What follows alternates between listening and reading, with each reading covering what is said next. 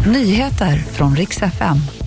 Ja, det är många som undrat vad som hände med familjen i Söderhamn. Nu är det fastställt vad det var som förgiftade dem. Och så ska vi prata om galor. Det har varit många under vintern och vi ska prata lite om vårens galor.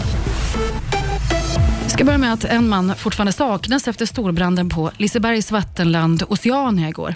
Räddningstjänsten har ännu inte kunnat söka igenom byggnaden och det här eftersom det är stora skador och rasrisk. Branden har inte heller varit helt släckt under dagen men ska i alla fall vara under kontroll.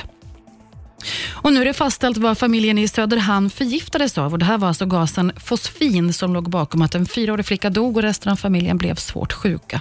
Fosfin det är extremt giftigt och förbjudet för privat bruk. Sverige har bara godkänt det i några få bekämpningsmedel mot skadedjur och det används bara för yrkesmässigt, yrkesmässigt bruk. Hur familjen fick tag i det här det vet man fortfarande inte. Och det har varit mycket galor under vintern. I vår är det dags för Svenska Grammisgalan och 48 Drex sänds från Annexet i Stockholm den 8 maj. I år har man också inlett ett nytt samarbete med Youtube där galan ska sändas för att nå en bredare publik, säger man. Men nu står det klart att det blir också bara där. Tidigare har galan sänds på stora kanaler som TV4 och SVT. Så blir det inte i år. Den sänds alltså bara på nätet. Man ska prisa i 23 kategorier. I år kan man också få se på scen bland annat Sara Larsson och First Aid Kit. Det var nyheterna nyheterna och jag heter Maria Granström.